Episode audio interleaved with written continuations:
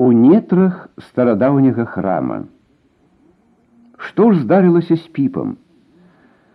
Дапоўшы да краю гары, ён убачыў, што яна сапраўды мела выгляд даўнейшага вулкана.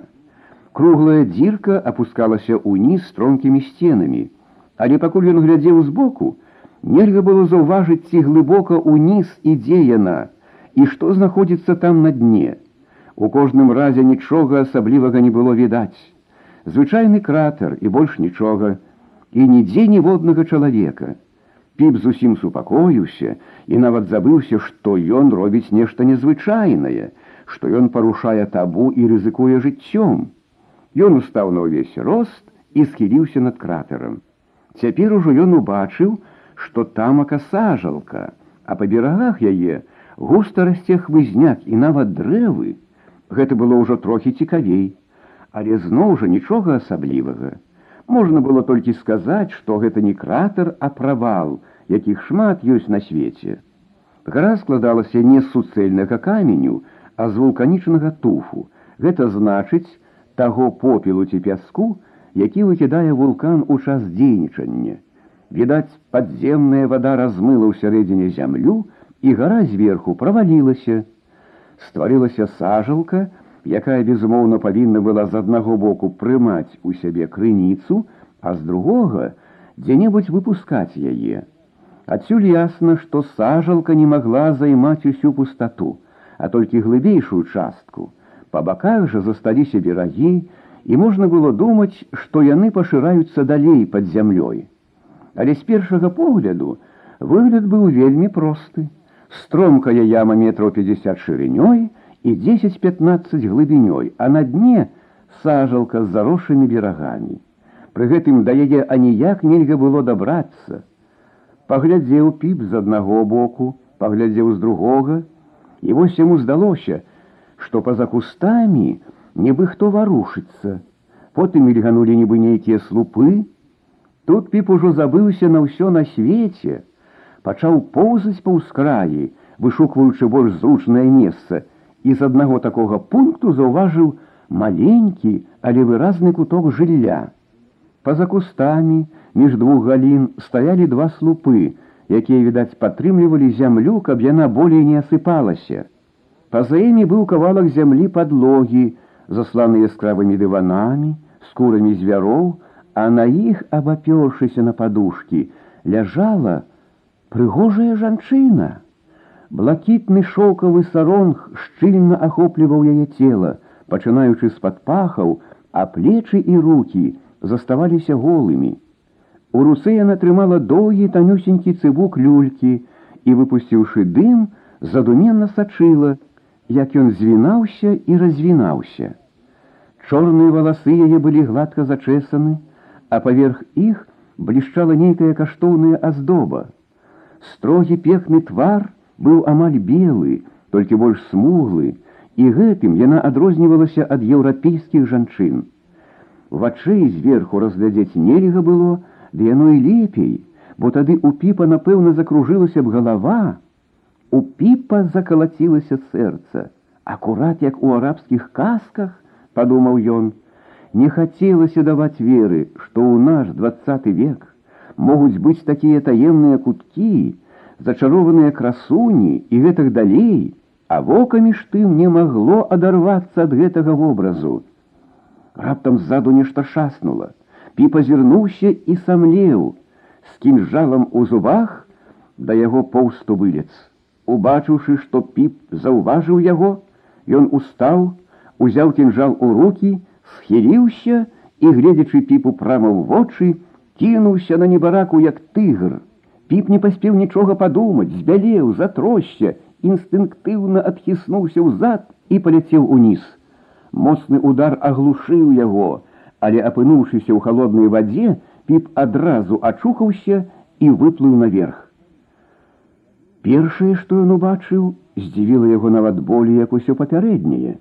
Перад ім стаяў смуглы, голены мужчына гадоў пад сорак, у белым доўгім адзенні і тюрбане, з якога высоўваўся ўверх белы султан, а пад ім зяў вялізны брыльянт. Гэта ж ён, правадыр здань, Еранг Туун, зараз жа мільганула ў галаве піпа, і ён на момант забыўся, у якім ён сам знаходзіцца становішчы. Ён падплыў да берага. Геранг Туун спакойна стаяў на месцы і глядзеў на піпа з надзвычайнай суровасцю і пагардаю. Гора табе нечасцівы чужаземец, прамовіў ён нарэшце, а ў гэты момант падскочылі два чалавекі, падхапілі піпа і павялі яго ўнутр гары. Па дарозе ён убачыў, як жанчына з вялікай зацікаўленасцю сачыла за незвычайным госцем, што так неспадзявана зваліўся з неба. Але піп адчуваў сябе не героем з неба, а мокрай курыцай. Яго абязброілі, увапхнулі ў нейкі закатулак і зачынілі. А праз некаторы час пачала збірацца нарада сарака. Памяшканне правадыра, або вярней сказаць вярхоўнага жраца, сапраўды было цікавым, але разам з тым і зусім звычайным. Правал быў звычайным з'явішчам прыроды, сажалка таксама, тое, што пустата або пячора паглыблялася далей у бок, зноў з'яўлялася справай простай. На долю чалавека заставалася толькі зрабіць уваход у сярэдзіну ды пашырыць і замацаваць гэтую пячору. Яна ўваходзіла пад зямлю толькі з аднаго боку, з другога уздымалася ад вады стромкая сцяна, але і гэтага было досыць. Той, хто знаходзіўся ў сярэдзіне, мог адчуваць сябе нібы на верандзе дома. Над ім столь на слупах, спераду садок, які хаваў жыллё ад цікавых вачэй, а за садам возера. А з усіх гэтых звычайных умоў разам стваралася нешта надзвычайнае, таемнае, такое, што магло нават мець дачыненне да агульных падзей на востраве ява. Памяшканне, дзе збіралася нарада, таксама асвятлялася газам. Святло было дзень і ноч, бо не трэба было эканоміць дармавога гаручага. Мэблі ніякай не было, але затое уся падлога і сцены былі ўкрыты дыванамі і скурамі. Ля адной сцяны стаяла статуя пяцёхрукага багара тунгаля, але яе маленькая мяккая прыступачка, на ёй і ўсеўся геранг туун. Бараты, пачаў ён, калі ўсе сабраліся. Вы ўжо ведаеце, что до нас пришло несчастье. Нечастивый чужеземец отплатил нам за нашу гостинность тым, что порушил табу и нават забраўся сюды.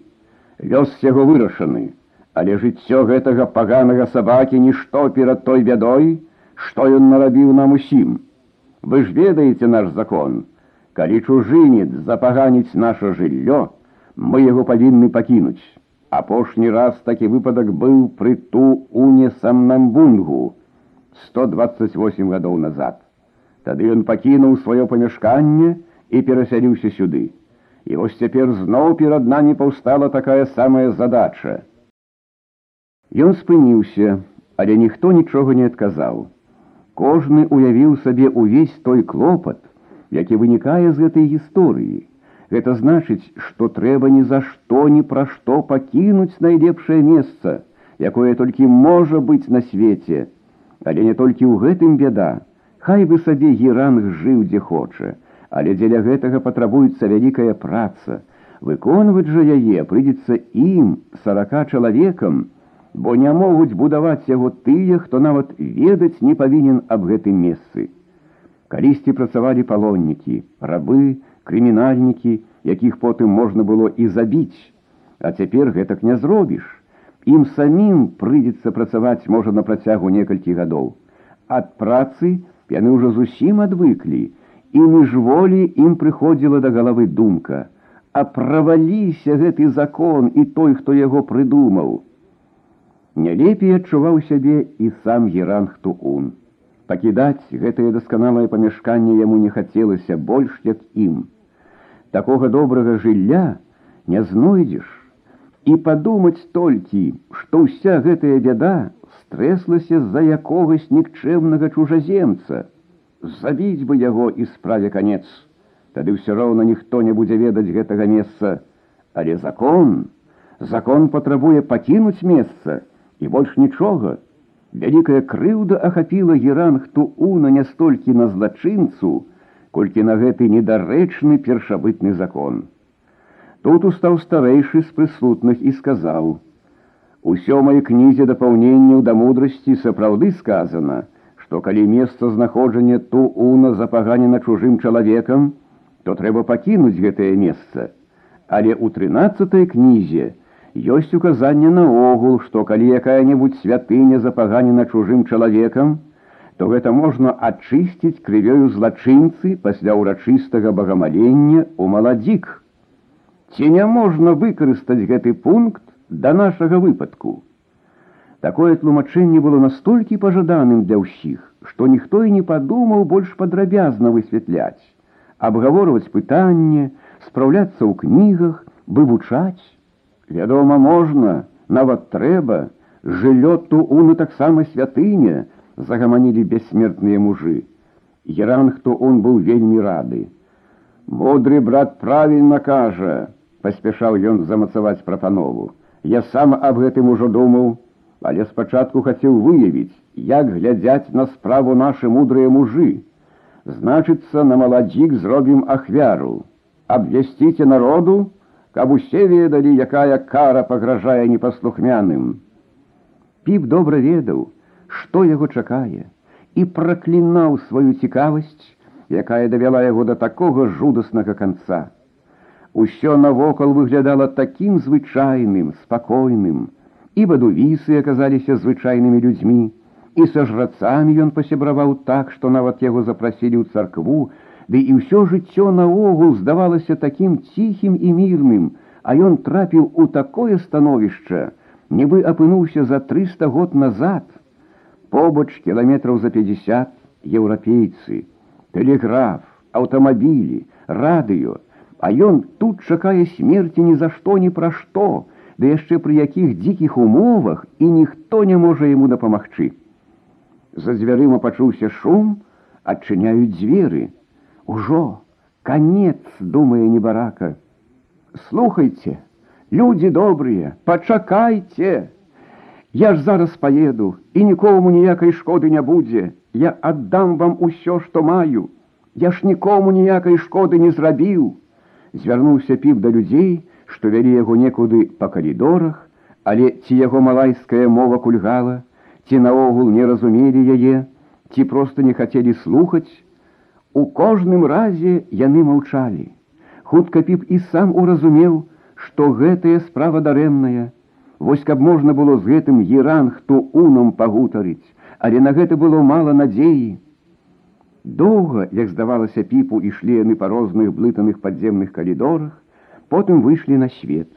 Убачыўшы сонца, дрэвы, піп адчуў, нібы ён даўным-даўно ўжо не бачыў гэтай пекнаты. Мінут 15 ішлі яны па лесе ці садзе, і ўвесь гэты час у галаве піпа была толькі адна думка — Можа, ўжо апошні раз бачу сонца і дрэвы, потым зноў увайшлі ў падзямелля, сустрэлі іншых мужоў, у тым ліку таго маладога, якому піп даў ахвяру ў час свята малпаў. Але ўсе глядзелі на яго злосна, варожа. Далей зноў пайшлі блытаныя калідоры, падышлі да масіўных дзвярэй, адчынілі іх, падняліся па сходнях, прайшлі яшчэ па закатулках, і нарэшце піп пазнаў, што яны знаходзяцца ў храме. Падвялі яго да сцяны, увапкнулі ў каморку і зачынілі на замок дзверы. Потым крокі заціхлі. Ён застаўся адзін. Слабае святло ад агню ці ад сонца расплывалася ў храме і давала той самы змрок, які ён раней бачыў. Праз 5-10 мінут вока яго прызвычаілася, і ён пачаў прыглядацца навокал. Перш за ўсё ён заўважыў, што каморка яго была такая, у якой можна было толькі або стаяць, або сядзець. Потым убачыў, што ў дзвярах яго каморкі ёсць дзірка, праз якую і праходзіла паўсвятло. Далей пачуў пад нагамі бруд і адпаведны пах. І тады толькі ён успомніў, што знаходзіцца ў той самай каморцы, у якой быў факір, Няўжо ж і мяне будуць таксама трымаць тут 15 гадоў, падумаў ён з жахам. Лепей ужо тады смерць адразу. Дзірка ў дзвярах была такая, што хоць не ўсю галаву, але твар праціснуць можна было. Ён высунуўся і пазнаў тое самае месца, дзе надоечы стаяў, Але па яго меркаваннях факір павінен быць не ў гэтай каморцы. Піп зірнуў у бок і адхіснуўся. Супраць яго, крыху наўскасок, былі такія самыя дзверы, і адтуль пазіралі на яго белыя вочы факіра. Дык вось якое суседства! Няўжо ж гэтак прыйдзецца правесці ўсё жыццё. Няўжо ж яны жывасілам хочуць зрабіць спіпа святога. Нервы не вытрымалі, і піп заплакаў. Плакаў ён досыць доўга і досыць моцна хліпаў, затое пасля таго адчуў сябе крыху лепш, лягчэй, і вось пачуўся яму нейкі замагільны голас. Гэта суцяшаў яго факір, але ад гэтай уцехі мурашкі пабеглі па ўсім целе. Гэта быў сапраўдны голас таго свету, глухі, аднастайны, нейкі скрыпучы. Ён прамовіў нешта даўгое, нібы малітву або цытату з кнігі, і з гэтых слоў, а больш тону, піп усё ж такі зразумеў нешта накшталт таго, што жыццё і смерць адно і тое самае, што ўсё на свеце марнасць і што шчаслівы толькі той, хто здолее загубіць сваё цело, каб узняць і ўдасканаліць свой дух. Але дзіўная рэч, ці гэтыя мудрыя думкі, ці аднастайны голас, ці нават непасрэдны ўплыў факіра, зрабілі тое, што піп пачаў адчуваць сябе спакойней. Усё тое, што з ім здарылася, пачало здавацца не такім ужо жудасным, нават думка, што яму прыйдзецца перасядзець тут увесь век, яго не так пужала. Зараз жа і яму палезлі ў галаву розныя мудрыя думкі. Вось думаў ён, гэты факір добраахвотна сядзіць тут 15 год і адчувае сябе шчаслівым. Мусіць гэта нездарма, Мусіць, у гэтым сапраўды ёсць нешта добрае, іначай навошта б людзі так рабілі. Усе мы з дзяцінства ведаем, што ўсё акаляючае мы ўспрымаем так, як сябе адчуваем. Калі я адчуваю сябе прыгнечаным, няшчасным, маркотным, тады ўсё навокал, і людзі, і сонца, і хаты, і самае жыццё здаецца брыдкім, непрыемным, нудным, нецікавым.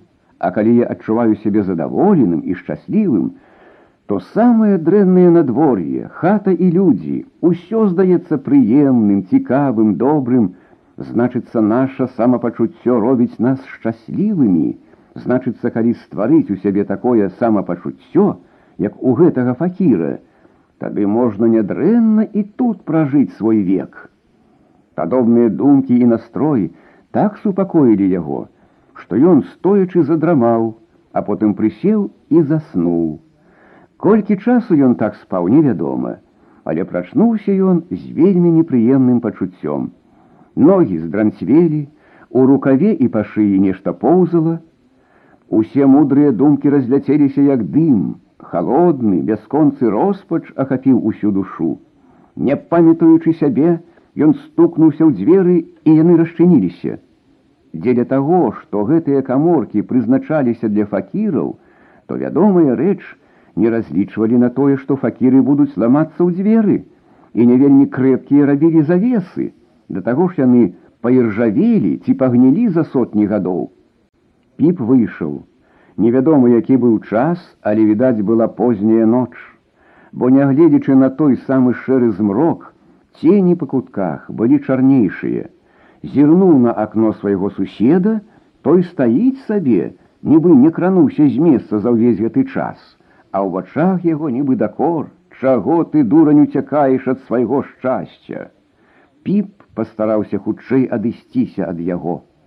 Ён пачаў бадзяцца па бажніцы, хоць ён і ведаў, што выйсце для яго тут не пакінута, але інстынктыўна шукаў яго, разгледзеў розныя куткі, заўважыў некалькі дзірак уваходаў, але доўга не мог асмеліцца лезці туды. Хто ведае, можа трапіш у яшчэ горшую бяду, а запалак не было, змоклі. Але ж усе роўна горшага нічога не можа быць.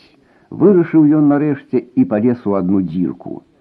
Пасоўваючыся вобмацкам, ён дайшоў да нейкіх ступеняў, падняўся ў гору, а далей ніякага выйсця не было і нават нельга было знайсці якіх-небудзь дзвярэй, прыйшлося вяртацца назад.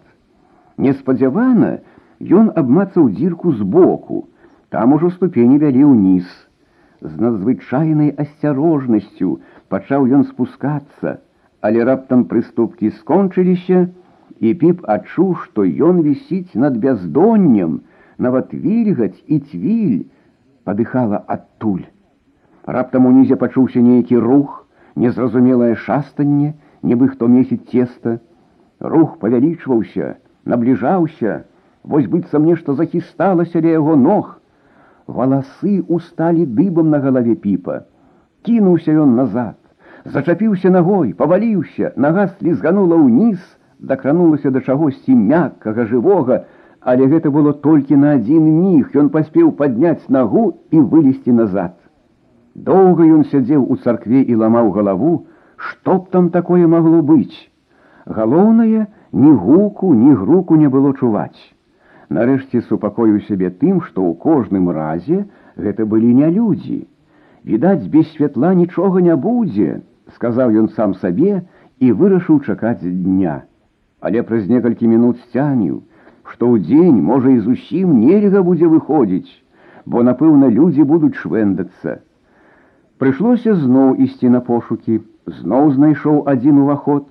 Ён таксама вёў уніз, далей заварочваў налево, піп хацеў пайсці туды, але ў гэты момант зачапіўся рукой за клямку направа. Паціснуў, адчыняецца, а далей відаць нібы святло.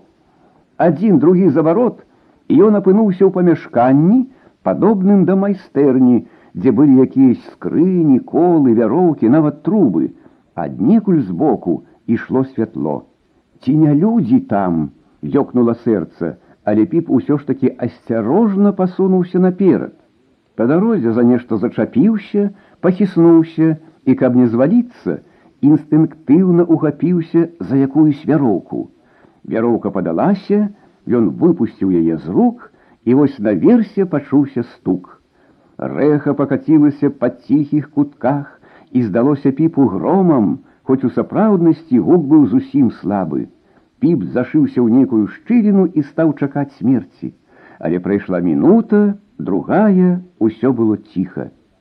Адлягло ад сэрца, папоўз далей, святло ўсё ўзмацнялася, Вось ход зноў вядзе наверх, і раптам піп убачыў таго самага пяцёхрукага ідала, хоць і ведаў піп гэтага істукана, але ў першы момант неяк жудасна было сустрэцца з ім адзін на адзін. Збоку быў пакінуты адзін свяцільнік, мусіць, каб не спусціць агонь. Тады піп падышоў да ідала, пакратаў яго, пастукаў, гудзе, значыцца, пусты ў сярэдзіне, падняў тую руку з ножом, апусціў той самы стук, які толькі што яго напалохаў. Значыцца, тая вяроўка была прыладжана, каб падымаць і апускаць гэтую руку. Сапраўды няхітрая механіка. Піп спусціўся ўніз, каб лепей разгледзець прылады. Вось колы і блокі, каб цудоўна адчыняць дзверы перад ідалам. Вось шнурочки, каб вочы ідала лупалі. Вось газавая трубка, каб вочы свяціліся, Вось комін алтар, адкуль ідзе цудоўны дым. Усё гэта так, але адкуль бярэцца здань еранхту уна. Піп так захапіўся навуковым даследаваннем, што нават забыўся пра сваё становішча. Ён зноў падняўся наверх, абгледзеў сцэну і заўважыў дзве цікавыя і каштоўныя рэчы. Гэта былі дзве вялізныя срэбныя люстры, круглыя і ўгнутыя, накшталт акуляраў.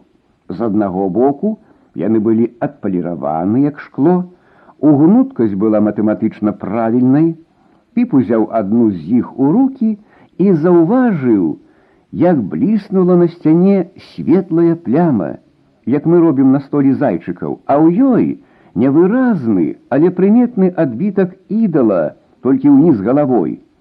Піп усё зразумеў, такі самы адбітак, яны накіроўвалі на дым, а каб вобраз не быў да гары нагамі, яго адлюстроўвалі другі раз ад другой люстры. Трэба аддаць справядлівасць жрацам.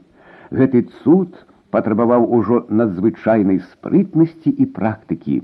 Гэты фізічны вопыт мусіць самая цікавая рэч, якая захавалася ад веры дзядоў. Усё гэта было б вельмі цікава, каб не тое становішча, у якім знаходзіўся піп. Заняты даследаваннем, Ён на некаторы час забыўся пра свой лёс, а цяпер роспач ахапіў яго з новай сілай. Тым часам пачало днець. Гэта відаць было, як па сіняватаму святлу, якое аднекуль праходзіла, таксама і па гуках з надворку, трэба было спяшацца дадому, каб хто-небудзь не захапіў яго тут.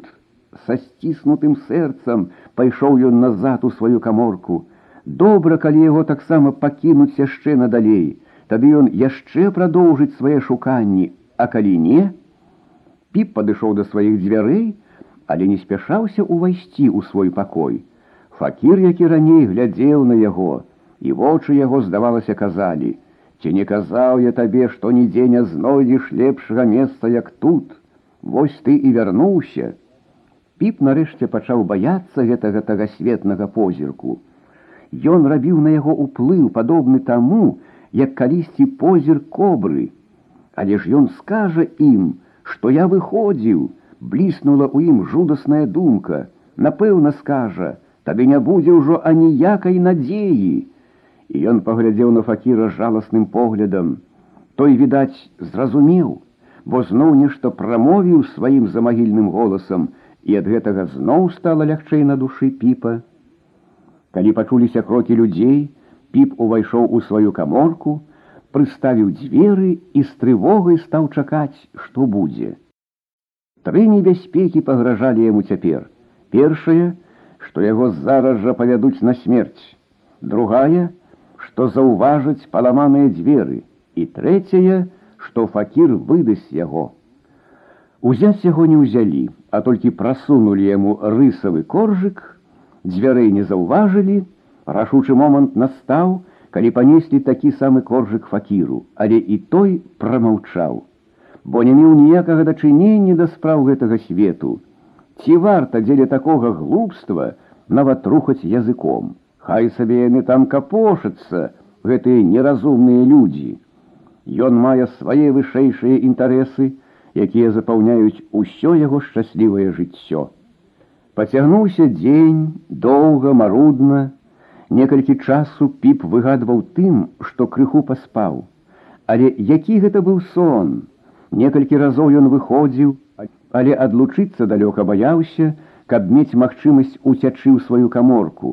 У кожным разе добра было і тое, што ён мог не сядзець увесь час у сваёй клетцы.